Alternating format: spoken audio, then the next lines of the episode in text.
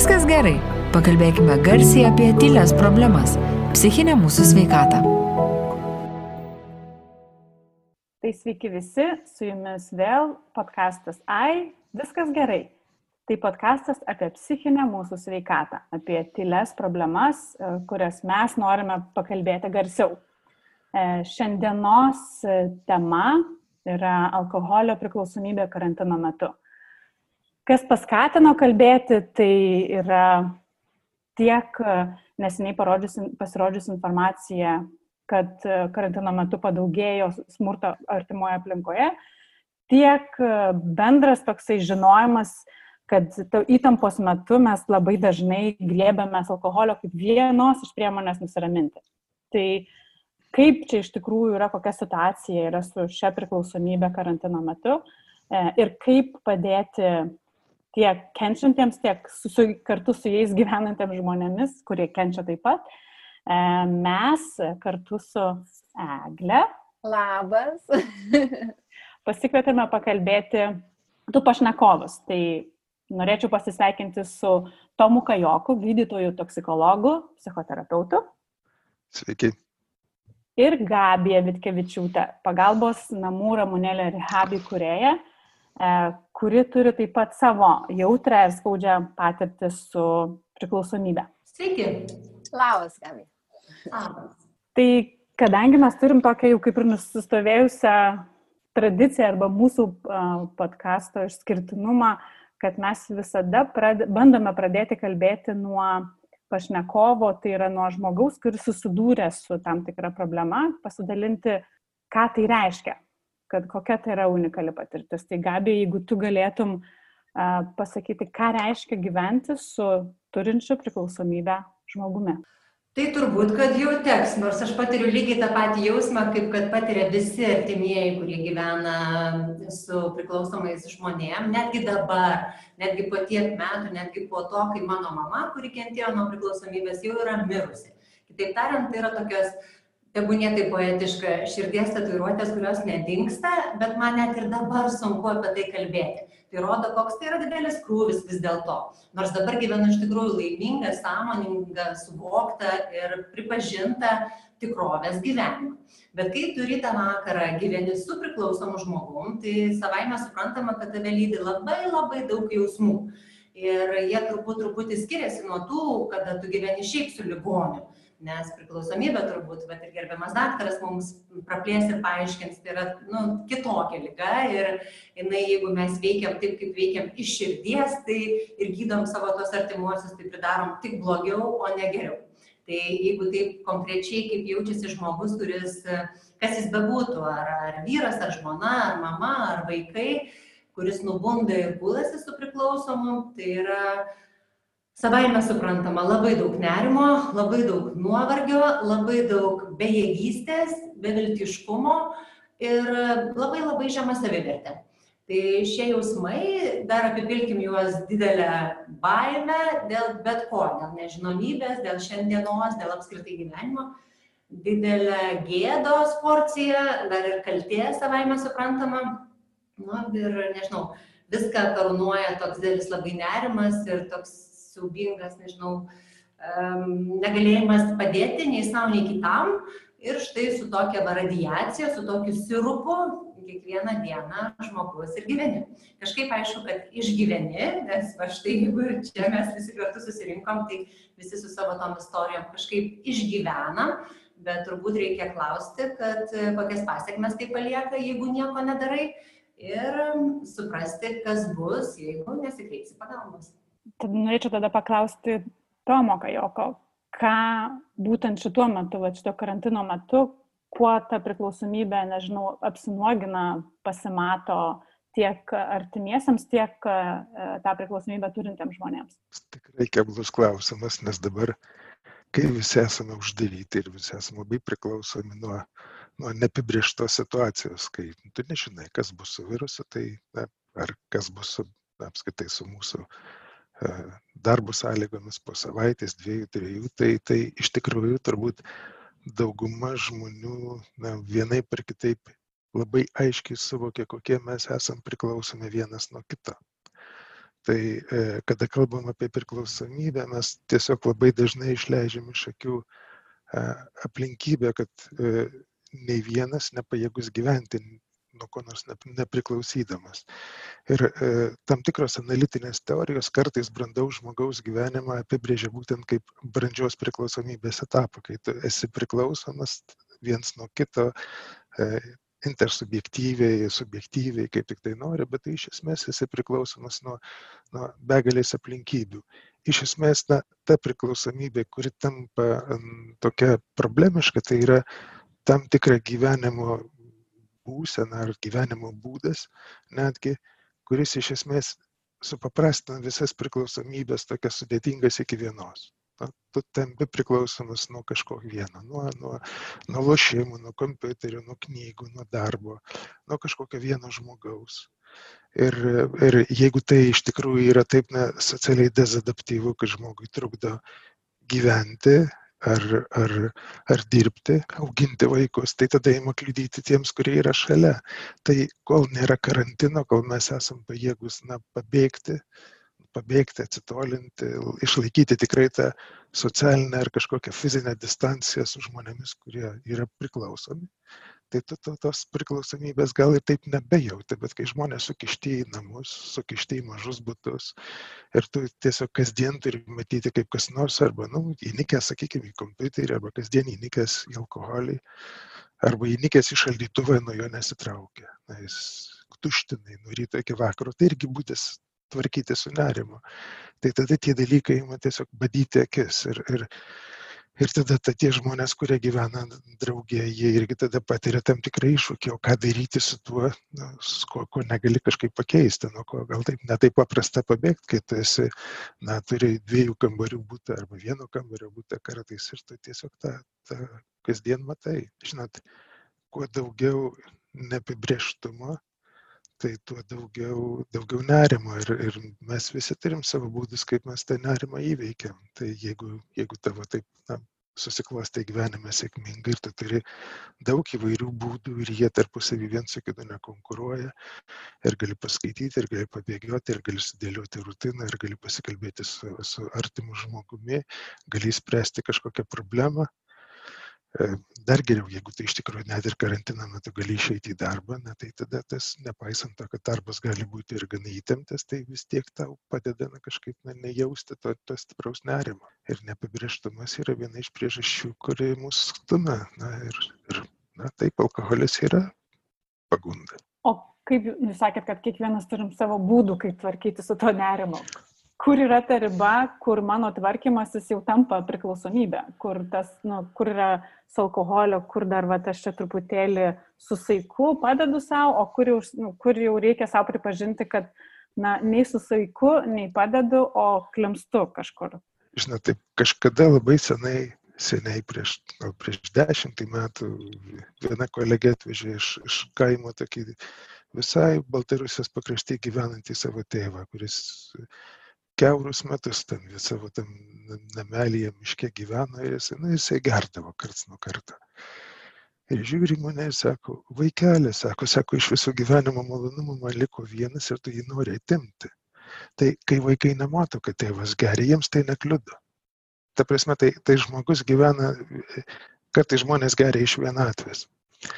Ir e, priklausomybė dažniausiai yra ta, ta būsena, kai kažkam ima kliudyti. Tai jeigu tu keuras dienas, nežinau, tu gyveni kaip, kaip vienuolis ir, ir gyveni su savo priklausomybė nuo, nuo žvėrelių, gyvūnėlių e, tekstų, tai tu niekam nekliudai, bet visais kitais atvejais na, mes esam lyg ir susiję ir įsipareigoję žmonėms, kurie yra šalia mūsų ir tada ta, ta, tavo, tavo, tavo atsidavimas vienam ar kitam reikalui, jisai, jisai yra suvokiamas kaip priklausomybė. Žmonės sako, tu, tu atiduodi darbui daugiau negu bet kažkam, net ka, kažkam kitam. Tai gali sakyti, kad tokia žmogiška prasme, santykių prasme, tai, tai yra šiek tiek dėrybos. Kiekvieną kartą yra dėrybos, aš deruosi su žmogumi, kuris yra šalia manęs ir jis sako, ar, tu, ar gali būti, kad tu tiesiog nu, per daug išgeri. Tai formaliai žiūrint, pagal visokius kriterijus, gal, gal tai nebūtų net neperžengtų kažkokių ribų, bet, bet santykių prasme tai jau yra problema. Ir kartais,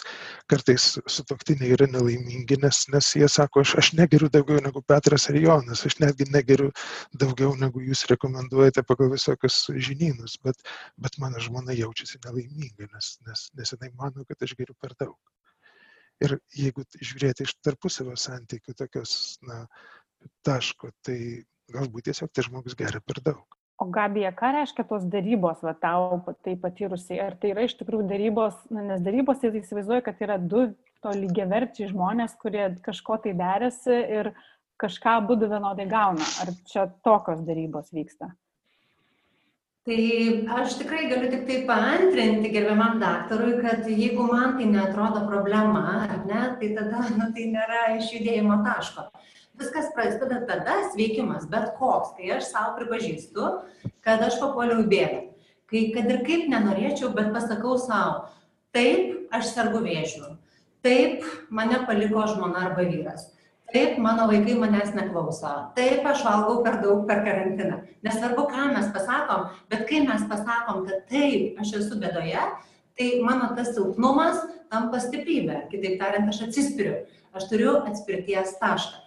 Tai jeigu žmogui, kuris vartoja, jo vartojimas, kaip Vaneringa klausia, kad ne, kad kada jau čia yra ta riba, kada jau čia galima, o kada jau per daug. Yra ir daktaras paliūdis ir tos fazės, ir pagal raidę viskas surašyta, ir lygos chronologija, ir visa kita, ir yra testų gausybė, ir praktiškų, ir teoriškų, kur gali pasitikrinti. Bet jeigu žmogui tai netrodo, o dažnai beveik šimtų procentų priklausomybei žmonėms tai yra neigimo lyga, jie neigia, kad jie serga ir jie sako, aš pats, aš pati susitvarkysiu, tai tada mes nu negalim išjudėti. Nu, kitaip tariant, matėm turbūt ir grįžtam prie karantino mūsų šios dienos temos, ar ne, tokios dvi pusės - karantinas ir priklausomybė. Turbūt matėm, kad paaugliai, tarkim, parkuose dabar būriuojasi ir net ten vaikšto ir, ir be kaukių, ir be pirštinių, ir ne po du, ir ne iš šeimos kodėl jie taip daro, kodėl senoliai vis sugalvoja, kad jiem reikia dar vieno obolio arba dar vienos bandelės į parduotuvę ir vėl šiandien nors buvo vakar. Todėl, kad žmonės nemato problemos, tai yra viena dalis. Jie tiesiog nemato problemų. Antra dalis, kas yra labai svarbu priklausomybei, dėl ko neringa neegzistuoja šituose etapuose dėrybos, tai yra, kad ir tą karantinas labai gerai parodė ir aš už tai labai galvoju, kad yra tokia didelė dovana artimiesiems pamatyti, kaip, jie, kaip jaučiasi jų tie priklausomi. Tai yra prievartinis liepimas, prievarta, imperatyvas, nuoroda, arba kažkoks toksai kontroliavimas. Ne? Dėl ko žmonės dabar sako, klausykit, sako, ai, a, a, čia yra viskas perdėta, tas, karan, tas karantinas ir tas mhm. koronavirusas, nuo gripo mirė tiek, nuo depresijų tiek, nusižudė dar anie. Na, matėm tas lentelės. Kodėl žmonės, pavyzdžiui, sako, a, gal tai ir problema kažkur, Italijoje, Ispanijoje, nežinau kur, ukmergiai, bet ne pas mus. Kodėl jie sako, kodėl jie prisigalvoja visus tokius karolius neįgymo realios bėdos. Jie sako, gal kas ir numirė, bet iš mano aplinkos niekas. Dar jie sako, pavyzdžiui, kad gal kas jeigu ir susirgo, tai greit pasveiko. Ne, nu, ta prasme, jie neigia. Kodėl jie taip daro? Nes mums liepia. Mums liepia sėdėti namie. Aišku, kad visi norėjo gero ir norėjo, kad mes liktumėm gyvi. Bet kai mums ką nors liepia, tai mes labai gerai visi dabar jaučiam, kaip mes jaučiamės. Tai kai mes einam į vadinamas dėrybas su priklausomu asmeniu, kada jis pirmą nemato problemos, antrą jis yra užgultas, pagalbos, aš tau padėsiu, tau gal reikia kur tave nuvežti, nes jis sako, tu pats ir važiuok, man važiuoti niekur nereikia. Tai tada, kai atsispiri nuo tokio taško, tai tada, man atrodo, kaip ir karantino atveju, atsiranda sprendimo būdai. Nu, kaip, pavyzdžiui, vienas iš tokių yra e, suvalgyti didelį tortą mažais gabaliukais mums irgi turbūt visiems buvo aišku, kad karantinas netruks dvi savaitės. Man tai regis, nu, kažkaip mąstantiems mhm. žmonėms buvo suprantama. Bet kai Vilniaus miesto meras Šimašius pasakė, kad vaikai mokysis iš namų ir bus pastatai mokyklų uždaryti penkias savaitės, nu, tai atsiminkim, kaip sureagavom, ar ne? Visi sakė, dvi, dvi. Arba dabar, ne, pirmasis karantino etapas buvo iki balandžio pradžios, po to iki balandžio 26, dabargi mes žinom, kad jisai trunka iki gegužės 11. Bet turbūt aišku, mums buvo nuo pradžių, kad čia bus didelis gabalas. Tai jeigu mes jį trupinam ir mažinam, mums lengviau išgyventi. Tai lygiai taip pat ir su visokiam priemonėm, kaip stabdyti priklausomybę arba kaip artimiesiam, vadinamiesiems ko priklausomiems žmonėms išeiti iš tų priklausomybių. Tai yra nepadaryti dabar staiga visko, kad mano tas artimasis nustotų gerti arba aš pradėčiau pati gyventi pilnavertį gyvenimą. Mano kažkoks toks mąstymas ir manimas yra, kad mes galim matuoti sėkmę mažai žingsneliais ir taip pat. O daktarė, ar tikrai čia taip yra, kad m, vat, kol žmogus ne, neįsisavina, neįsisavins, tai jokie va čia tas karantinas, kur visi uždaryti esam, gal kaip nors čia galim, nėra kito kito būdo, nu, nežinau, paveikti arba parodyti žmogų veidrodį, kad nu, mm. yra problema ir ta problema man kelia problemų. Tada turbūt yra toks, jeigu tu sakai, kad tau kelia problemą, tai kažkaip, bet man ir, ne, man ir įdomu, kaip prie jų prieiti, nes kai yra problema ir tu ateini ir žmogui sakai, kad žinai, va, tavo problema man kelia problemą, tu iššūki iš karto tokį labai didelį pyktį ir erzulį. Tu niekada šitaip neprieisi prie jo, kad sakytum, kad, nu, kad pasiektum kažkokio tai rezultato. Taip, bet kuriam žmogui pasakykit, kad, kad jisai kelia jums problemų ir jisai, jisai, ir jisai susierzins ir nebūtinai nu, turite kalbėti su gerinčiu žmogumi. Tai yra tam tikra mitologija, kurią mes kažkaip pamirštam, na, kurią taikom turbūt kalbėdami apie geriančius, jie tikrai nėra tiek neigiantys, kiek apsimeta neigiančiais. Dauguma geriančių žmonių labai aiškiai suvokia, kad jie geria ir kad jie geria per daug ir kad jie geria žalingai bet kartu patiria didžiulę gėdą ir, ir pažeminamą dėl to, kad geria. Ir jie, jie daro viską, kad paneigtų tai, kas yra jiem patiem akivaizdu. Tai yra kaip vaikas, kuris išmušė langą ir prie jo ateina tėvai ir jisai sako, ne aš. Visi žino, kad tai jisai, bet jis sako ne aš. Ir tai nėra neigimas, tai yra tiesiog įsižadėjimas. Tai yra bandymas pasakyti, kad aš nesupratau ir mes turime na tikriausiai dvi kategorijas žmonių taip grubiai jeigu taip visgi leisim sau tokią prabangą ir tokį neatidumą žmonėms kad juos imsim imsim skirstyti į kategorijas tai yra dvi kategorijos viena kategorija vadovaujasi vidine realybe ir vidine tikrove ir ta vidinė realybė iš tikrųjų yra kad aš nenoriu nuskriausti savo vaiko nenoriu nuskriausti savo mylimosios nenoriu nuskriausti savo tėvų. Ir aš tada kalbuosi aš supratau kad mano išgėrimas vakar ir šiandien įžeidžia ir tai yra vidinė realybė ir tai sudaro prielaidas dėrybom. Tai yra ta tikrovė, kurioje aš noriu susitikti su jais ir tada kai kurios dalykus, kurie galėtų tapti problema, aš padedu į šalį. Bet čia yra viena kategorija žmonių. Kita kategorija žmonių iš tikrųjų gal ir norėtų, bet dėl savo impulsyvumo, dėl savo na, charakterio, gal kartais dėl savo nerimo, dėl, dėl įvairių kitų dalykų, jie nesusitvarko ir jie nutrūksta, jie kažkokiu momentu įima ir, ir išgeria, išgeria daugiau. Ir, ir vėlgi tai yra genetikos ir visų kitų dalykų na, samplaika aplinkybių, kad kai kurie žmonės nepaigia kontroliuoti taip saikingai, kaip mes norėtume. Ir tie, kurie negeria, jie nesupranta tų gerinčių, jeigu jau kalbėti apie alkoholį ir apskaitai, jeigu kalbėti apie visas cheminės priklausomybės. Ir tada žmonės geria tol, kol jie atsitrenkia išorinę realybę. Ta prasme, kad mes nu, turime atsitrenkti, nebūtinai į dugną, nu, kartais sako dugnas, bet, bet tu atsitrenki į tai, kad tave išvaro iš darbo, kad tavo sustreikuoja širdis, ar tu patenki dėl kraujavimo, tave partrenkia automobilis. Tai išorinė realybė, jinai kartais yra labai negailestinga. Ir tada tai yra viena, na, vienas iš tokių galimų momentų, kai, kai žmonės taiga ir pripažįsta, kad taip, na, yra problema ir aš noriu ją spręsti, bet bet jeigu kažkas ateina ir sako kad tu esi problema tai sako nu aš aš nesu problema. Bet jeigu jeigu kas nors sako kad tau sunku ir tu aš pastebiu kad tau sunku kad tu save e, kad e, tu pasikeitai tu tapai kažkokiu kitokiu žmogumi jeigu jeigu aš tave pažinojau vienokį kad tu prarandi savo gerąsias savybes ir ir tu per per pastaruosius metus pasikeitei kad tau yra sunku gerti. Ir jeigu mes visą laiką ateinam ir kalbam apie save, kad man sunku, kad tu geri, tai tada, nu tikrai sako, tai tu eik ir gydykis. Bet jeigu tu sakai, kad tau sunku, aš matau, kad tu geri ir tau sunku ir aš nežinau, kaip tau padėti, ar aš galiu tau kažkaip padėti, tai tada gali būti išeities taškas. Tokiu atveju žmonės žymiai dažniau priima pagalbą. Nesakau, kad ją visada priima. Tiesą sakant, pagal, pagal statistiką maždaug trečdalis gerinčių, na, iš tikrųjų nepriima pagalbos iš artimųjų.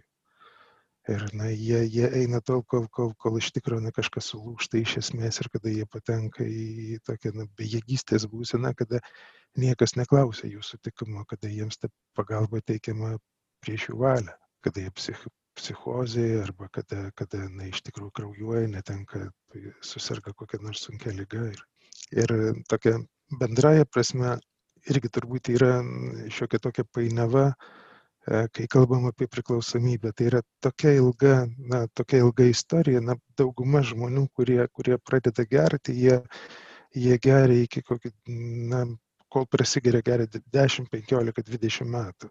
Ir mes paprastai kalbam apie priklausomybę tada, kai žmogus yra po 10-15 metų istorijos. Tada, tada teisingai, kaip Gabija sako, tada iš esmės nebeveikia darybos, nes tada jau esi tai lyguista būsena. Bet priklausomybė prasideda gerokai anksčiau, yra 10-15 metų. Ir va tie 10-15 metų, kol žmogus tampa lyguistai priklausomas, jis jau yra, jau jis elgesi kaip priklausomas, kad jisai pažeidžia tą tokią tarp asmeninę erdvę dėl savo, savo gyvenimo būdo.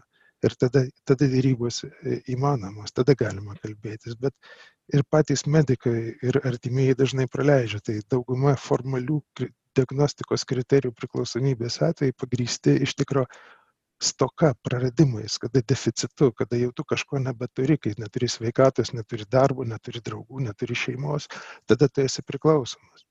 Bet visa tai prasideda gerokai anksčiau ir dalis žmonių, kurie gali tiesiog smagiai išgerti, pasakyti, kad aš nieko nejaučiu kitą dieną, jie jau tokia vartojimo prasme, elgsenos prasme, santykio prasme, jie jau elgesi kaip priklausomi.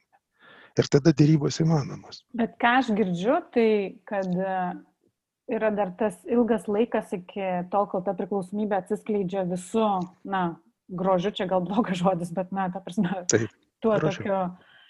E, ir tame laikotarpyje dar galima kaž, vesti kažkokias darybas, bet tik tai trečdalis žmonių, jeigu aš gerai supratau, e, pasiduos artimųjų kažkokią tai įtaką, va tam pasakymui, kad galiu tau padėti, priims. E, pagalbą. Žinokit, trečdalis žmonių iš tikrųjų net labai anksti patys, e, gal truputėlį mažiau nei trečdalis, bet maždaug trečdalis žmonių labai anksti suvokia, kad e, tai, ką jie daro, yra destruktyvu. Tai jauni žmonės, kurie, tarkim, na, jie gyvena kartais studijų metais išgeria, staiga jie supranta, kaip, kaip jų artimieji reaguoja ir jiems nereikia sakyti, jie patys susipranta.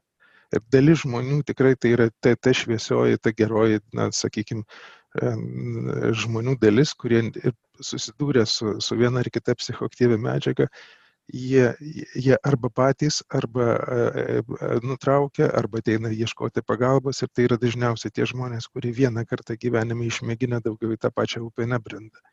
Yra dar viena grupė žmonių, kurie, kurie iš tikrųjų labai labai išgyvena prieštaringus jausmus ir norėtų, norėtų vartoti alkoholį ir norėtų būti su draugais ir tai yra kažkokia grupės kultūra, tai yra kažkokia tradicija, tai yra na, kažkoks prestižo kartais reikalas. Na, vėlgi tai yra toksai ženklas įrodyti, kad aš esu neprastesnis už kitus, nes aš galiu išgerti ir, ir kartu jie taip pat labai nori, jie brangina tą gyvenimą, kurį turi, bent iš dalies, bent kurios jo aspektus. Tai šitai kategorijai artimieji yra labai svarbus ir jų palaikymas, ar, ar artimieji draugai, bendradarbiai, kas tik tai nori, kartais medikai. Ir tą kategoriją gali žmonių paveikti, bet yra tam tikra grupė žmonių, kurie yra mažai paveikiai na, tam tikrą prasme užribis, kuriems nu, gydimas įmanomas tada, kai jie, jie patenka į kažkokias nors izolacijos sąlygas prievartinės. Gabija, kokia tavo patirtis yra su galimybė padėti? Pirma formulė tikrai yra, mano galva, tam pirmam sienų ir ledų pralaužimui, tai kaip mini gerbiamas daktaras, tai yra tas prieimas ne iš nugaros, o iš akių lygiai, iš priekio, kai mes iš tikrųjų kalbam, kad ne mane jau nervuoja ir iki gyvo kaulo užknisa, kaip tu čia gersi ir tu mums sukuri sunkumo, o sakymas, ką daktaras minėjo, kad aš matau, kad tau sunku ir jeigu reikia, žinau, kur yra pagalbos. Tai, taip, aš taip greitai ir striukai kalbu, bet iš tikrųjų praplėtos truputėlį, neilgai, ne valandos čia pokalbis ir ne dienos, o tiesiog 15 minučių, kad aš žinau ir, ir jeigu tau reiks, tu pasakyk, aš padėsiu. Tada kitas labai svarbus punktas yra, kad mes sakom žmonėm, bandydami juos pripažinti jų lygą, nes net ir kur yra vadinamieji 12 žingsnių sukurti anoniminių alkoholikų visos bendruomenės ir sistemos, tai pats pats pats pirmas žodis tuose žingsniuose ir yra e, sakinyje, kuris vadinasi, kad pripažinome, kad mūsų gyvenimas tapo nevaldomas ir priklausomas nuo tam tikrų medžiagų, tai žodis yra pripažinome. Tai tą pripažinimą padėti jiems suvokti, mes sakom, kad aš tau padėsiu, kuo galėsiu, sveikimo keli, bet nebetoleruosiu tavo lygos. Ir čia tada mes turim suprasti, kad artimieji irgi per ilgus metus, kad daktaras minė, kad tikrai priklausomybė čia ne per vakarą ir ne per naktį susiformuoja, o trunka dešimtmečiais, kol žmonės ateina iki konsultacijų arba gydymo dažnu atveju. Tai tada, kad kad, kad žmonės, tie artimieji, bando visą laiką sakyti, žinai, jeigu tu ten dar kartą, tai aš jau čia susirinksiu vaikus ir išeisiu. Aš tave paliksiu, aš, nežinau, paskūsiu, kas ko bijo, aš pasakysiu tavo tetai arba dėdėjai, arba aš nueisiu pas tavo viršininką. Nu, žodžiu, tokių yra gazdinimų ir tokių, aš suprantu, iš ko jie kyla, iš to paties nerimo ir atrodymo, kad lyg ir pamasikavus tokia šluota žmogus išsigas. Bet kai tai vyksta metų metus, tai vyksta jau kaip LRT radijas malonus skambesys kažkur seniai girdėtas, bet visą laiką šalia ir mm, paklausiau išjungiu. Tai, a, tai ką noriu pasakyti, tai yra ribų brėžimas. Reikia brėžti ribas, reikia suprasti, kad artimieji tada, jeigu jau pasako, kad žinai ką, aš tai aš skatinsiu tavo sveikimą ir tikrai tave labai myliu kaip žmogų, bet visiškai nekenčiu ir nebegaliu gyventi su tavo lyga, tai aš tau padėsiu, bet jeigu ne, tai tada bus A, B, C, D ir maža smulkmena čia šitam reikale, tai tada reikia laikytis. Iš tikrųjų reikia laikytis tada tiem artimiesiam ir jau nebesisvaidyti deklaracijom, o suprasti, kad teks priimti sprendimus. Vienas labai labai svarbus dalykas, šiandien kol laukiau mūsų susitikimo su jumis, varčiau internetą ir ten man išmetė tokį, pasidalinsiu su jumis tokį Harvard Business Review straipsnį, profesorius rašo nekeista tą pačią temą, kaip įtikinti žmonės, pasikeisti karantino metu, ar ne, krizės uždarimo tokios lockdown. Tai mm, jisai ten pateikė savo patarimų, bet viršelis to straipsnio yra šuo, nupieštas toksai, kuris yra iš visų jėgų įsitempęs pavadį ir tempęs galą. Ne, nu, kas turim šunų, tai žinom, koks tai jausmas, kai nepasiduoda. Tai bet čia irgi, grįžtant prie mūsų e, temos priklausomybės, tai yra, kad turbūt mm, mes dažnai žmonėms sakom, kad žiūrėk, kas tau jau nutiko, tu ir toks, ir anoks, ir praradai darbą, ir mane prarasti, ir nuo laiptų nukritai, ir nežinau, ir pinigus pragėrė, ir ten draugų mes nebeturim, nu, kas ką sako. Ir mes akcentuojamės toks pirmas dalykas į praeitį, antras dalykas į neigiamus dalykus. Aha. Bet iš to šuns atimti tą pavadį arba išjudėti iš vietos, tai reikia ne kaulą atiminėti, o parodyti jam, kad mes turim už nugaros mėsos gabalą. Tai yra dėl ko blaiviai, švariai, ramiai ir pilnavertiškai gyventi yra geriau. Ir kai savai žodžiais, pagal savo žmogų, pagal savo supratimą, lygį, nežinau, išsilavinimą ir patirtis, jūs suformuojat jam tą naudą, aš manau, kad tai bent jau tuos trečdalį, bent jau tuos 30 iš šimto gali paliesti. O pavyzdžiui, bet, bet yra e, sakoma, kad e, žmogus, va, tos, kuris turi priklausomybę, jeigu jis niekaip nepri, nepripažįsta, kad yra bėda, kad reikia ją spręsti, jam reikia pasiekti tam tikrą dugną, tam, kad jis galbūt tada nuo jo atsispirtų. Tai ką tada daryti? E, palikti likimo valiai žmogų ir duoti jam tiesiog, nežinau, laukti to momento, kada jisai pasieks tą dugną? Čia gal netgi, nežinau, nežinau, gal net Tomas galėtų tada padėti atsakyti. Žinot, e, gyvenimas yra toks, kad kai kurie žmonės neturi dugno, jie numiršta anksčiau negu pasiekia jį. Tai yra ta bėda.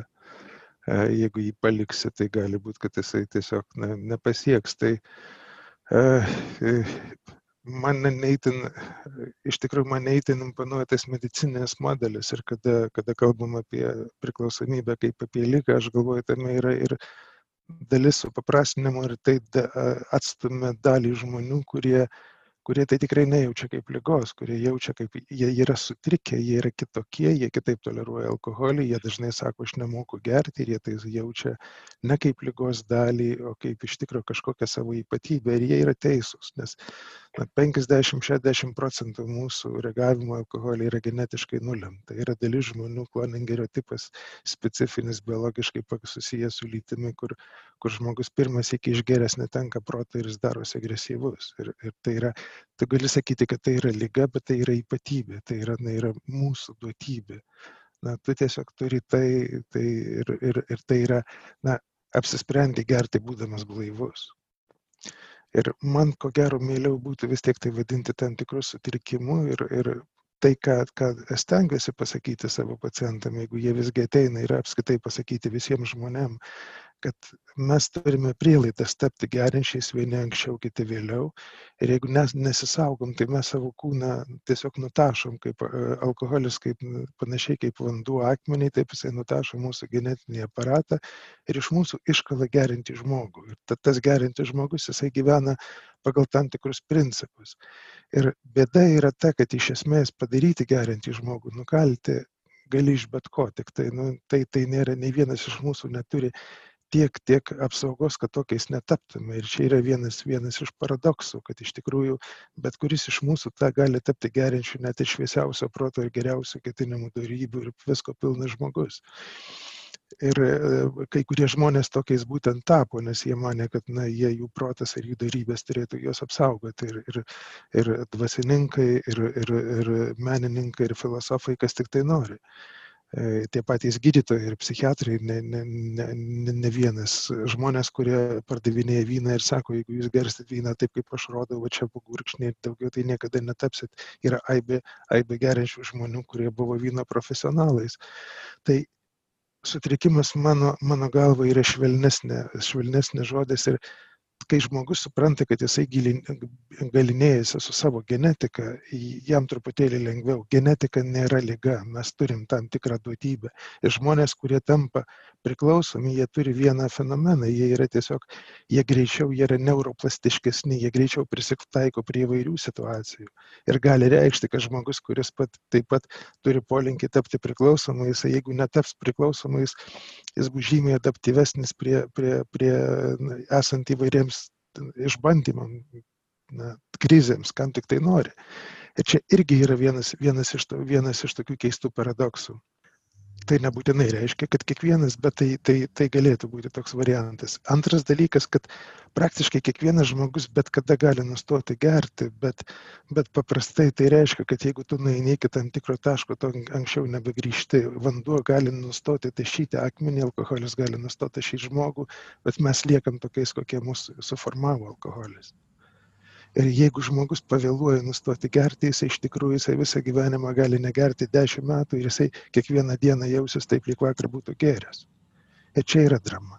Tai kai buvau jaunesnis, manęs klausdavo, ar tas žmogus gali nustoti gerti, sakydavau, ne, tikriausiai negali. Ir paskui įsitikinau, kad kai kurie iš jų nustojo gerti. Bet nepaisant to, kad kai kurie žmonės nustoja gerti, jie iš tikrųjų išgyvena dramą, jie kiekvieną dieną gyvena kaip, kaip vakar geria tai jeigu tu anksti susipranti ir anksti tave kažkas nu, paprotina, parodo, e, neįkyriai, paaiškina, ir tai tikrai susijęs su, su mūsų intelektu, su įsilavinimu, su tokia pakančia aplinka, tai tada žmogus pakankamai anksti susgrimba ir jisai gali išgelbėti savo gyvenimą, jis gali turėti normalų gyvenimą. Ir, ne, per kokius pusantrų, du metus tu gali kažką susigražinti, bet ne iš esmės ne viską. Mūsų tikrai alkoholis kažko padaro. Tai dabar tą leisti dugną pasiekti, tai reiškia, kad tai iš esmės žmogų palieki likimo valiai. Tai, tai man ta, ta versija tikrai nepatinka. Ir, ir pa, pa, pa, paleisti iki dugno, tai reiškia, kad tu kasdien gazdini ir tu nieko nedarai, kad tam žmogui padėtum. Kaip Gabija sakė, sakai, aš tave rytoj paliksiu, bet tu iš esmės jam nepadedi. Aš rytoj paliksiu ir po 20 metų tu iš tikro palieki. Ir va tada yra dugnas. Bet 20 metų tu leidai jiems kesti. Tai jeigu tu palieki kitais metais po to, kai tu su juo įimi draugauti ir sakai, žinai, nu, tu esi mielas, bet aš jaučiu, kad aš vis tiek kada nors gyvenime tave paliksiu, gal aš paliksiu dabar tave, jeigu tu sugebėsi negerti ir tu grįši, tai gal mes tada, žinai, kažkaip nukalsim gyvenimą dviese. Ir tada tu, tu palieki jį dar tada, kai jisai turi, dar turi aibę savo gebėjimų, kai jis gali būti negerinčiu. Tada, kai tu jį palieki po 20 metų, jis jau nebegali būti negerinčius, gali būti girtuoklis, kurį prievartą kažkas sulaikė nuo alkoholio. Ir mano, mano žinia, kurią aš bandau daug metų perduoti žmonėms, tai gydytis yra paskutinis etapas, yra netapti ger, gerinčiu. Ir man, mano galva, karantinas yra rizikinga zona, nes daugelis žmonių, kurie gyvena ir jie nėra gerintys, jie ima vartoti alkoholį, tiesiog nejausdami, kad jie kalą savyje, formuoja save ir gal vėl praeis, nežinau, praeis kokie 2, 3, 4 metai ir kai kurie iš jų supras, kad alkoholis tampa didžiausiu malonumu, svarbiausia aistra, ne knygos, ne, ne, ne medžioklė, ne, ne, ne vaikai, ne futbolas, alkoholis. O yra kažkas, kaip mes galim, vat, būtent karantino metu, tai vat, ir pastebėti, kad tai jau tampa ne šiaip vat, pagalba, bet kad mes jau kalam. Ar, ar čia jau pastebėsi po trijų metų? Na, visada yra tam tikri, na, žinot, atskaitos taškai, kadangi alkoholis yra kasdienybės produktas, tai, tai gali sakyti, kad egzistuoja net tie protingi matai, kiek neturėtum e, išgerti ir suvalgyti ir, ir taip toliau. Tai, tai yra paprastai skaičiuojama alkoholio vienetai paprastumo dėlį 10 procentų 10 ml yra vienetas, vienas vienetas. Tai britiškas skaita, skaičiavimo standartas, bet jisai jis labai aiškus, kadangi ant butelių parašyta ir, ir mililitrai, ir, ir, ir procentai, tai lengviausia paskaičiuoti. Tai e, paprastai e, butelis alaus, na, standartinis lietuviškas butelis alaus, jisai turi nuo 2 iki 3 vienetų alkoholio tai tiesą sakant vienas butelis alaus yra vyrui per dieną yra riba jeigu jisai jį išgeria nu, labai ne, ne, ne, negreitai. Tai jeigu jisai išgeria per, per, per 5-15 minučių, tai jau yra per greita. Tai valanda turėtų būti, bent jau per tą gurkšnoti. Ir tų, tų, tų butelių neturėtų būti daugiau nei 5 per savaitę. Tai yra tas, tas kiekis, kurį galėtum sakyti saugiu. Visa kita, kas prasideda už tos ribos, jau yra eksperimentavimas, tai yra žaidimas su ugnimi. Sproks, nesproks, išaus, neišaus. Tai jeigu, jeigu tavo giminiai buvo gerinčių, tikriausiai išaus. Jeigu kraujo giminiai, tėvai, seneliai, broliai, dar kažkas dėdės geria, tai tikimybė, kad išaus, jinai visada egzistuoja, jeigu viršysi tą kiekį. O pirmi simptomai, kuriuos žmonės nekreipia dėmesio, tai paprastai yra tai, kad žmonės geriančių žmonės jie darosi aktyvesni nuo alkoholio, jie neturėtų būti aktyvesni, bet jie darosi tokiais aktyvesniais ir jiems jie, jie, jie trumpiau miega, jie vėliau gula ir anksčiau keliasi. Tai šitie du požymiai, jie iš tikrųjų labai, labai anksti parodo mūsų polinkį tapti priklausomais. Arba kitas dalykas, na tikrai, kai žmonės supranta, kad nu, nepraeina, nepraeina diena be alkoholio ir kai žmonės supranta, kad nu, tikrai nu, butelio alaus jam yra per mažai. Jis nusiperka tris, e, trim dienom, bet jisai išgeria pirmą vakarą. Mhm. Tai yra ženklas, kad iš tikrųjų aš kažko nebekontroliuoju. Ir tai yra rizika. Na, kai nu, gali nusipirkti šokoladą, žinoma, kilogramą suvalgyti iš karto, bet tada įmėsi taktikos, nepirki kilogramą, tu pirki 50 gramų, parsineši nu, ir suvalgai 50 gramų. Tai nu, tas pats galėtų būti su, su žmonėmis, kurie kažkaip samoningai stengiasi sukontroliuoti alkoholio vartojimą. Tai, tai nereiškia, kad jis nenori jo visai išgerti, bet tai reiškia, kad jisai yra labai protingai, labai atsakingai tai, tai, tai daro. O jeigu sugrįžti vėl prie tos artimųjų dalies e, ir karantino, ką Gabija sakė, kad, e, na, pasakyti, kad ten, nežinau, išeisiu, ar ten paliksiu, arba padarysiu tą, arba ne, nepadarysiu to, aš suprantu, kad normaliom aplinkybėm tų pasirinkimų yra daug daugiau. Karantinas mus visus uždaro ir tie visi kažko negausiu, net jeigu norėčiau neduoti, neišeis, nes nu, yra nu, ir tos pagalbos mažiau kreiptis, nes aš suprantu, tam tikros tarnybos ir nedirba. Uh, Tai kiek tų pasirinkimų lieka dabar artimajam žmogui tiek, mm, nežinau, nepasiduoti manipulacijoms, tiek laikytis to, va, tos pagalbos, kurią dar gali suteikti. Nežinau, ką vadinti manipulacijomis. Nes, nes matot, na, karantinas iš tikrųjų mus visus nu, priverčia gyventi mm, tokiam ekstremaliom sąlygom ir ekstremalių sąlygų psichologija sako, kad na, žmonės vis tiek uh, E, pirmus, e, pirmas dienas drąsinasi muša į krūtinę, sako, mes nugalėsim, čia viskas bus gerai, paskui tai nuovargis, paskui kokias nors e, maždaug po pusmečio, jeigu žmonėms tektų taip gyventi, tai na tam tikrą patį ir toksai, na, toks lyg ir sakytum, galėtum būti tas meškinas, kuris įsirango į irštvą ir norėtų miegoti, niekur nebeiti, atsiranda kažkokie ben, ben, bendros tendencijos visur, tai jisai išvargina. Ir jeigu, jeigu bepigu tiems, kas turi, nežinau, namą, sodą, sklypą, dar kažkur gali išeiti ir atsiriboti ir, ir, ir iš tikrųjų pasakyti, kad, na, na, aš mhm. negaliu galbūt pakeisti to, kad tu geri, bet aš neprivalau būti to dalimi, yra žymiai sunkiau, kai žmonės iš tikrųjų, na, priversti būti mažoje erdvėje ir kai jie priversti susidurti ne šiaip su gerimu, bet su prievarta. Ir E, čia turbūt atsiranda kitas svarbus aspektas, kuris itin liečia na, na, vaikų psichologiją, kai vaikai susiduria su gerinčiais tėvais. Yra žinoma, kad vaikai viena vertus jie kenčia nuo to, kad tėvai geria, bet jie žymiai labiau kenčia nuo smurto, jeigu tėvai geria. Čia gerimas yra tik tai, na, kaip galėtum sakyti, viršūnė, kuri kartais uh, icebergo viršūnė, kuris slepia smurtingą žmogaus uh, prigimtį. Ir tada problema ne tai, kad žmogus geria, problema yra žymiai didesnė, kad jisai mus smurtauti išgeręs. Ir tada tu sprendi ne alkoholio problemą, sprendi smurto problemą. Ir pasakyti, kad žmogus smurtauja, todėl kad geria irgi būtų palengvinimas. Jisai smurtauja, nes yra smurtautojas. Tiesiog tada, kai jisai išgeria, jisai blogiau save kontroliuoja. Bet iš principo tai yra kalbama apie, apie smurtautoją ir jam tada reikia kažkokios kitokios pagalbos. Ir tada tiem tai šeimai reikia kitokios pagalbos. Ir yra ne tik tai fizinis smurtas, yra ir psichologinis smurtas, taip. lygiai taip pat, kurį labai stipriai išlaisvina būtent alkoholis. Taip. Bet o ką? Ir, o kaip? Mhm. Tai tada, tai, o ką gali padaryti? Nu, tai tada bėgi iš kalėjimo, nu, tai vis tiek ieškai kur pabėgti. Tai jeigu arba, arba bandai smurtautojai stumti iš namų, ir, arba pats bėgi iš to kalėjimo. Mhm. Nu jo, tai dabar tik tiek, kad va, ta situacija karantinė yra tokia, kad daugelis neturi kaip pabėgti, neturi kur, nieks nenori priimti, galbūt irgi čia va yra ir, ir ką tada daryti. Kita vertus, tai, tai reiškia, kad na, galbūt karantinas daugeliu žmonių taps tikrai atskaitos tašku jie pasakys, kad daugiau nebegaliu, užtenka, nes kol galėjau mm. pabėgti, kol galėjau kažkaip na, pats paneigti. Žinot, yra daug artimųjų, Gabija patvirtins, kad yra daug artimųjų, kurie taip pat neigia problemą, jie taikstasi su smurtu, jie gyvena, e, randa būdų, kaip įsisukti, randa būdų, kaip pateisinti. Ir tai gali irgi tęstis 20 metų. Tas žmogus, kuris 20 metų lieka su smurtautoju ar pasigerinčiu žmogumi, jam taip pat reikia nemažiau pagalbos, jis taip pat yra priklausomas, tik tai kitaip. E, nes aš pamenu, mes turėjome pokalbį, dar vienas pirmųjų mūsų podcastų buvo apie toksiškus e, tėvų ir vaikų santykius. Ir va, terapeutė mūsų kažkaip pasakojo, kad kažkada pasiriškas atėjo žmogus kalbėtis apie tai, kad jo mama geria ten jau beprotiškai daug metų. Ir jinai sako, kad tada, jeigu jau taip yra, tai tada yra ne tik tai tavo mamos, bet yra ir tavo problema. Tai vat, kažkaip jau vadinasi, jau kaip ir įsijungia į visą tą procesą ir visi tie aplinko žmonės tada. Jeigu tai tampa ir jų problema jau.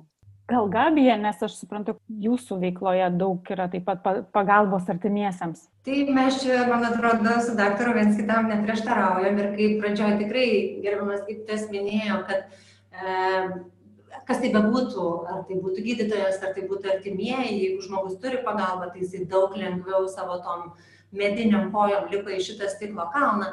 Tai viena iš mūsų sąlygų pagalbos namuose, kol mes veikiam dar fiziškai, tai buvo visą laiką, kad, ta prasme, mes negalėdavom priimti žmogaus, kol artimieji nesutikdavo kartu dalyvauti terapijoje. Dėl įvairiausių priežasčių. Pirma, tai kad jeigu aš galiu savo leisti vyną ir nesu priklausoma, bet mano, tarkim, būtų sutoktinis priklausomas, tai aš tada atsidarau baro, jisai ką, žiūri šlapiom akim. Ta prasme, suvokimas, kad mes tada kartu esam šitam laive, kartu arba skęstam, arba išplaukiam. Antras dalykas, tą ką minė Eglė, kad čia visiškai yra veidrodžio lygos ir kai priklausomas žmogus yra priklausomas nuo substancijos, ar nuo lošimo, ar nuo pornografijos, ar narkotikų, kas tai bebūtų, Taip lygiai taip pat visi artimieji yra priklausomi nuo to žmogaus, tai čia tik tai skiriasi objektas arba subjektas. Bet žinot, vat, ką ir klausau, ką jūs klausėt, ką Reglė klausė, tarkim, ar čia leisti jam pasiekti tą dugną, ar čia gyventi iš tam pragare, ar, ar čia mums abiem naudinga, kodėl. Dažnu atveju irgi turbūt galim iš patirties pasakyti, nebe iš knygų, kad žmonės kaip pasakoja, tai priklausomybė ilgai toleruojama, vis dėlto jinai naudinga abiem. Vienas užsipila savo skausmus ir patenka į nejautrą, kitasgi leidžia tą daryti dėl jam žinomų priežasčių ir čia tada jau galim prisigalvoti pagal savo fantazijos lygį, jeigu tai yra toleruojama. Aš klausau jūsų ir viduje kažkaip e, galvoju, kaip čia viskas vis dėlto sutampa, žinot, nes šiuo metu kaip tik irgi dirbu su žmogum, kurį jo antra pusė išvarė iš namų per karantiną. Dėl to, kad okay. įmanoma vis dėlto. Tai situacijos yra visada įmanomos ir visada, ir tai tampa tas žmogus, kuris išvaro, aišku, jis yra ir, ir bedievis, ir beširdis, ir baisus siaubūnas, bet tas antrasis kažkodėl kreipiasi pagalbos, atsispiria, kaip minėjau pradžioje, nuo šito siaubo ar nuo šito. Tai va, va. Ir bando suprasti, kodėl ta ta geroji antroji pusė šitaip siaubingai elgesi, kas iš tikrųjų turbūt yra dovana. Kitaip tariant, aš noriu pasakyti, kad mes tikrai esam visi, tiek vartojantis, tiek šalia esantis, mes tikrai nekalti dėl to, kas atsitiko. Kaip sako daktaras, ir aš tikrai atiduodu savo pirmus keturis dantis iš šitą sakinį. Mes galvojam, kad kažkam ir kažkur toli atsitinka taip, kad jie prasigeria, nusigeria ir tampa priklausomi Aš tikrai neatsakau už save, pavyzdžiui, nors esu visiška sąmoninga abstinentė, patyrus tai, ką patyriau savo šeimoje, negeriu visai, nesu priklausoma, galiu tą daryti, bet nenoriu. Bet turiu menį, kad aš nežinau, kas atsitikus labai dideliai traumai, stresui arba dar kam nors, aš nežinau, kaip aš, kaip aš eičiau į nejautrą. Gal darytumėt podcastą su ponė prie konteinerio, kuris tai tada mokė žmonės, o dabar va, pavyzdys kitoks. Mes nekalti dėl to, kas mums atsitiko, bet mes tikrai, mano galva, esame atsakingi už tai, kaip mums toliau gyventi. Ir jeigu grįžtant tiesiog mano minčių srautai pabaigą, tai noriu pasakyti, kad, pažiūrėjau, karantinas, aš girdėjau žmonių sakančių, kad žiūrėkit, catch the moment, gaudykit akimirkas, nes štai tokios puikios atostogos ir jūs čia beskaitydami žinias jas ir praleisit Arba girdėjau, kad e, šitas laikas gali būti išnaudotas kaip, nežinau, kažkokio X faktoriaus, barškančių dantų paieškai, arba dabar išmok groti būgnais, arba perskaityti visą jungą. Mano galva, tai neteisinga žinia ir aš manau, kad karantinas nebuvo atostogos, nėra dar visi trunka ir tai nėra palanki terpė bet kokioms, nežinau, minkštosiams veikloms. Tai yra sunkus psichinis, emocinis, netgi fizinis krūvis, aš jums pasakysiu, gamint, pavyzdžiui, man penkis kartus per dieną karštą maistą yra reikalų. Tai, e, tai yra išlikimas, tai yra nerimas, tai yra baime, tai yra netikrumas ir kaip daktaras minėjo pradžioje, tai yra neapibrieštumas, mes nežinom, kas mūsų laukia. Dėl to visą tai tik apsunkina situacijas. Ir nereikia vaidinti, kad dabar čia buvo labai smagu ir gerai ir, nežinau, kažkaip rasti, rasti tokių vien pliusų. Iš kitos pusės pliusai savaime suprantami yra. Jeigu jūs išsigryninate, kad jūsų šeimoje yra tas vadinamas dramblys ir kad jūs tikrai nebegalite tverti ir kad jūsų antra pusė įnikusi bet kur į kompiuterį ar į tą penkis salaus ne per savaitę, o per dieną, tai yra terpė pasidaryti savo išvadas. Nežinau, iš kitos pusės galbūt buvo ir tokių, kurie išsigrynino, kad santykiai yra puikus ir kad nepaisant kažkokių tuščių pykčių ir šaudimų iš tuščių šovinių eilinę dieną, kada išeidavom į darbus, atsitraukdavom ir nekalbėdavom, dabar neverta, nes esam puikiai komanda ir krizėje puikiai veikiam. Tai kitaip tariant, kaip pažiūrėsi. Aš gal nenorėčiau suteikti, kad karantinas būtinai visiems yra tikrai katastrofa. Dalį mhm. žmonių yra, tai tą esu matęs, dalį žmonių tai tikrai yra nepaprastai didelė dovana ir jie esu visai nemažai girdėjęs, kad aš nenoriu, kad karantinas baigtųsi, sako, man, man yra labai gerai, aš, aš puikiai gyvenu. Antrą kartą šiandien girdžiu šitą teiginį, žinokit. Jo, ir tai yra, ir, ir tai yra, tai e, e, viskas priklauso nuo, nuo konteksto.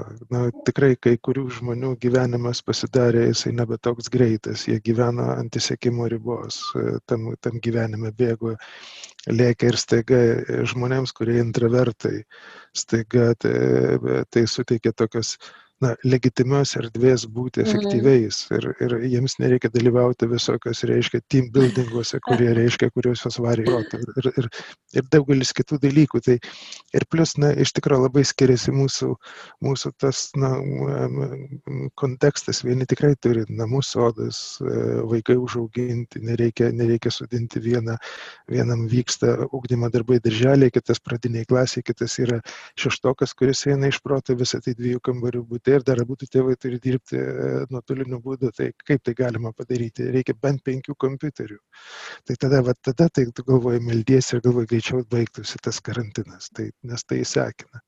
Aš dar turiu, e, galvoju, kad reikia man pasiteisinti, nes aš pirmai panaudojau e, vieną savoką, kur, kur gydytojas sakė, ką čia, kas čia yra ta manipulacija. Tai, e, na, aš turiu pasakyti, aš neturiu patirties asmeninės, todėl, na, aš neku daugiausiai iš, na, iš bendrų, bendro, bendro žinojimo. Ta manipulacija, ką aš turiu menį, tai kad, na, sakymas, kad na, žmogus turintis priklausomybę ir tai neigintis, tikriausiai naudoja visokius mechanizmus, kad, na, aš vat, vat pasibaigs šitas ir tada kreipsiu, ne, pabaigsiu šitą projektą, arba pasibaigs šitas karantinas, ar ten pabaigsim šitą namą, ar ten aš čia tik tai truputį ir čia nieko tokio, čia dabar man biški sunku. Kaip at, atpažinti, kad tai yra nu, sukimas iš tikrųjų, kad tai yra nepripažinimas problemos, nes nu, iki jos Mes, reikia. mes visi gudraujam, mes visi gudraujam, sakom, nu, šitą, šitą darbą padarysiu, kai viską padarysiu. Ir nu, tai, tai tokiu gudravimu, nu, turi kokią nors sąskaitas ar, ar kokias nors popieriaus darbus, rašto darbus. Na, gali vadinti save manipuliatorium, bet tiesiog gali sakyti, kad tu tiesiog gudrauji, nu, tu randi būdų įsisukti iš to. Tai, nes manipuliatorius, man atrodo, kaip tik šitą savoką ir pastato, na, tai yra e, padeda sukiršinti tą, kuris nori padėti ir tą, kuris bando kažkaip bando, bando rasti savo gelbėjimusi būdų ir jisai visai patidėlioja. Tai, nes tiesą pasakius, e, gerintys kartais būna manipuliatoriais, bet jie būna manipuliatoriais lygiai tiek pat turbūt, kiek būna blaivus ar, e, žmonės, ar, ar tai, yra, tai yra kažkokia gretutinė savybė. O šiaip tai iš tikrųjų žmonės, na, žmonės linkia įsisukti arba žmonės linkia, na, ieškoti pateisinimų e, aplinkybėse, kaip, kaip ir visi. Tai tiesiog, žinot, gyvenime nes, neks, nesiakcentuoti į detalės, nes jeigu tai ginčytis dėl aplinkybių, tai tada praleidi, praleidi e, esmę. Tai e, yra tokia, na, turbūt susiginčyti ir visgi karvė pastoja troleibusai kelią ar nepastoja, ar dėl to aš pavėlavau, ar tai būna ar ne. Bet ką tu darysi po to, kai tu visgi kažkur pavėlavai? Na, nesvarbu kokia aplinkybė, bet ir svarbu, ką tu darysi su to, kas nutiko. Tai toks, na, tam tikro sugebėjimo tai asmeniniam santykiai tikrai reikia ne tik tai gerinčiam, bet ir artimiesiems. Ir, ir kartais artimieji sako, ką, kaip daryti, kaip jam padėti. Tai sakyčiau, kad artimieji turėtų patys eiti ir aiškintis su, su profesionalais, ką jie gali pakeisti savo gyvenime, kad jie būtų suprantamesni ir ką jie galėtų, kaip padaryti, kad visgi tas, na, sakykime, nujungimas ar tas toks, na, naudojimasis jais kaip tokiais absoliučiais viskuo aprūpinančiais objektais, na, jisai vyktų, toks nujungimas vyktų palaipsniui, ne vieną dieną. Nes jeigu tu dešimt metų aptarnavai priklausomą žmogų, tai tada yra tiesą pasakius nehumaniškai per vieną dieną pastatyti už durų jam reikia suteikti kažkokios erdvės, nu, sakyčiau, du mėnesius, galbūt pusmetį. Pasakyti, žinai, jeigu, jeigu tu gyvensi taip, aš, aš gal darysiu šitai, paskui jeigu, tu ta, jeigu toliau bus, aš, aš vėl kažkaip kitaip pasielgsiu. Ir tai turėtų būti daroma ne tada, kai tu supyksti, o tada, kai tu sutari. Na, iš esmės, na, skirybos net ir su, su gerinčiu žmogumi, jis turėtų būti ne keršto aktas, o tiesiog iš tikrųjų, na, pripažinimas, kad aš jaučiuosi ne, ne, negalys tau pagelbėti ir man yra per sunku tai ištverti. Tai tai yra mano problema, aš nežinau. Ir jeigu, jeigu tu nori man padėti, kad aš, aš galėčiau kitaip elgtis, tu turi nustoti gerti arba tu turi keistis.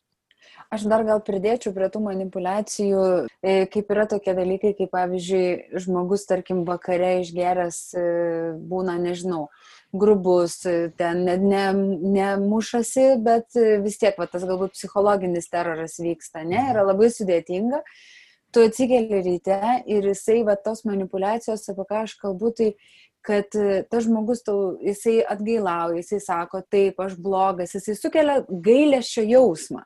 Tau pasidaro jo gaila ir tu tada jo nebepyksti ir jisai eina toliau ir vėl daro tai, kas jam yra reikalinga, tau gaila to žmogus, tu nori tikėti, kad taip nebebus daugiau, bet vat, ir vėl nutinka.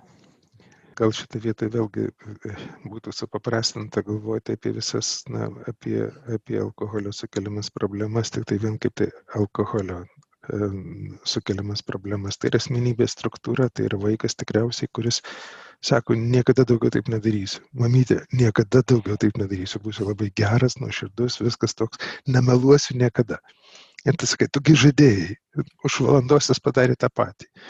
Na, kartais juokauju, jog, jog na, gerinčio žmogaus vidinis pasaulis šiek tiek panašus į tą tokį, žinot, tokį na, opozicišką uh, 3-4 metų vaiką, kuris nu, sako ne, jisai, jisai nori būtinai padaryti pats, jisai sako, kad niekada daugiau nedarysi, bet tą akimirką, kai sako, jis tiki, kad taip nedarys. Jis gali žinoma netikėti, bet, bet aš nuoširdžiai tikiu, kad žmonės, kurie sako, viskas daugiau to nebebus, kad jisai tikrai norėtų tą akimirką negerti. Už, už valandos jis galvoja jau visai kitaip. Ir, ir čia yra tam tikros brandos toka ir tai, na, tai, tai, tai vėlgi komplikuoja tą patį, na, komplikuoja tą patį gebėjimą negerti. Ir todėl, na, ne, ne, būtų na, kažkaip supaprastinta kalbėti apie, apie uh, alkoholizmą arba kažkokias na, priklausomybės gydymą ar pagalbą, jeigu, jeigu tu nežiūri į paties žmogaus asmenybės kontekstą. Bet aš esu linkęs tikėti. Aš tikrųjų, iš tikrųjų nuoširdžiai tikiu daugumo žmonių e, noru negerti. Yra, e, gyvenu Vilnius priemestyje ir čia, čia vienas kitas kaimynas nuo seno gyvent tam tikro kaimo kultūros, galbūt priemešio kultūros tikrai yra gerintis. Ir, ir, ir kars nuo karto vienas iš jų vieną prieina ir sako, žino, kad aš dirbu su gerinčiai, sako, na gal, sako, Tomai, sako, gal, gal ar tu galėtum man kažką padėti. Sakau, galėčiau, žinoma, tik tai tiesiog ateik kurį nors dieną, sutarėm, kad ateisi rytoj arba kada gerai aš ateisiu ir jisai neteina bet, bet jie tikrai nenori gerti, nes jie, jie jaučia, kad na, tai yra tai sunku. Vienas kitas ateina. Nu, tu gauni kažkokį rezultatą, vėl žmogus ten kokius na, pusmetį, metus, kartais du metus. Jisai negeria. Yra tokių žmonių, kurie staiga nustojo gerti iš, iš kaimynų ir kurie negeria daugiau nei 5-6 metus ir tai yra dovana, žinau, kad negeria. Tai man, man labai smagu, kad na. Ir tai yra vėlgi tie, kas nustojo gerti 5-6 metus, negeria, jie tampa, nu, iš esmės tampa tokiu masalu kitiems, kurie sako, tai įmanoma. Tai, mm. tai ta mhm. prasme, tai, tai galima. Ir tas žmogus negerintis, jisai ne tai, kad jisai kankinasi negerdamas, jis tiesiog gyvena kažkokį kitokį šviesesnį gyvenimą ir nesigėdėtų. O gal tada galėtume pabaigti laidą su kiekvienu iš jūsų, nežinau, pasakymų, patarimų, vat, ką, ką e, pasakytumėt, ką norėtumėt pasakyti artimiesiems, kurie gyvena su žmonėmis, kurie turi priklausomybę, pripažindami jos ar ne, ne, ne, tiek, ne tiek svarbu. Aš galvoju, kad pasikartosiu, kad man atrodo svarbu suvokti, kad mes nekalti, kas atsitiko, priimti situacijas, nerimas rimsta, kai priimam tikrovę, pripažinti, kad papuoliau bėdą savo, galbūt artimam žmogui ir iš tikrųjų tai nebeužimti burnos, galandant jėtis su savo priklausomu žmogum, o anei su draugiam ar draugais, nes vėlgi tai yra specifinė auditorija ir kiek jie gali klausyti, negalėdami ir neturėdami specifinių žinių jums padėti, tai kryptis pagalbos ten, kur jinai gali būti suteikta. Pradedant nuo toksikologų, baigiant psichiatrais, psichologais ir priklausomybių konsultantais, tai šitie žmonės dirba savo darbą ir žino, kaip kažkaip jums padėti bet kai sakau jums padėti, tai ir turiu mintį, kad e, žmogus, kuris šiuo metu, šiandien nenori būti išgelbėtas, įkvėpkim, iškvėpkim, nesakau pasitraukim, sakau atsitraukim. Man atrodo, kad sunkiausia dalis yra tiem, kas um, turi jau priklausomų vaikų. Nes ko priklausomas žmogus tai yra tas, kuris arba gyvena su priklausomu, tai yra sutoktinis partneris, arba tas, kuris užaugo tokiai šeimoje disfunkciniai, tai yra jo tėvai, vienas iš tėvų vartoja, bet tuo pačiu jau ir tie, kurių vaikai vartoja narkotikus, vaistus arba alkoholį arba kitus dalykus. Tai tiem yra labiausiai sunku pasitraukti. Bet visi kiti mes, man atrodo, kad turėtumėm pradėti nuo dviejų žodžių. Žiūrėk savęs. Pradėk tą kaukę, krentant lėktuvui, pirmą užsidėti savo ir tik po to galėsi uždėti savo vaikam ar artimiesiems skamba baisiai ir žiauriai, bet kitą patarimą aš neturiu. Ja, aš pasakyčiau, kad visų pirma užjausti geriantį ir užjausti tą, kuris geria. Ir nes, nes jis iš tikrųjų yra nelaimingas žmogus. Ne vienas iš mūsų nenorėjo būti elgeta prie vartų ir jeigu žmogus tampa gerinčiu, tai jisai, jis, nu, bent jau jisai vertas užuojautas. E, kitas labai svarbus dalykas - neleisti savęs kreusti, savęs ir vaikų ir savo artimųjų, nes tai daryti ne tik tai tam, kad kad e, apsaugotum vaikus ir artimuosius, bet tam, kad apskaitai galėtum kada nors gyventi su tuo žmogumi, kuris na, gali tapti skriaudiku. Tai čia yra turbūt viena iš pagrindinių dalykų. Ir trečias dalykas, kuris tikriausiai sunkiausiai pasiekiamas, bet, bet na, gyventi tiek nepriklausomą gyvenimą, kuriame tu turėtum kažkokį, nu, vėlgi, aistringą objektą savo gyvenimą, dėl ko tu gyveni, nu, aistrą gyventi. Nes e, gerinti žmogus, jisai, jisai pameta aistrą gyvenime, jis nežino, kad egzistuoja kita aistra, jisai, jisai pats norėtų būti aistra savo artimiesiems. Na, jis tampa to objektu, dėl, dėl kurio jie turi žudytis, pergyventi, nemiegoti, kažką tik tai aukotis ir taip toliau.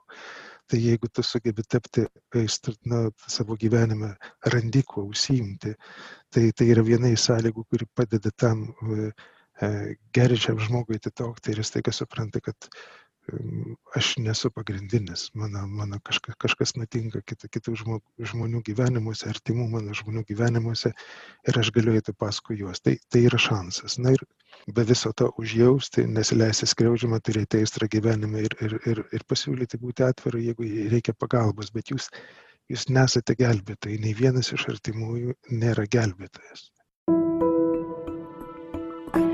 Ai, viskas gerai. Pakalbėkime garsiai apie tylės problemas - psichinę mūsų sveikatą.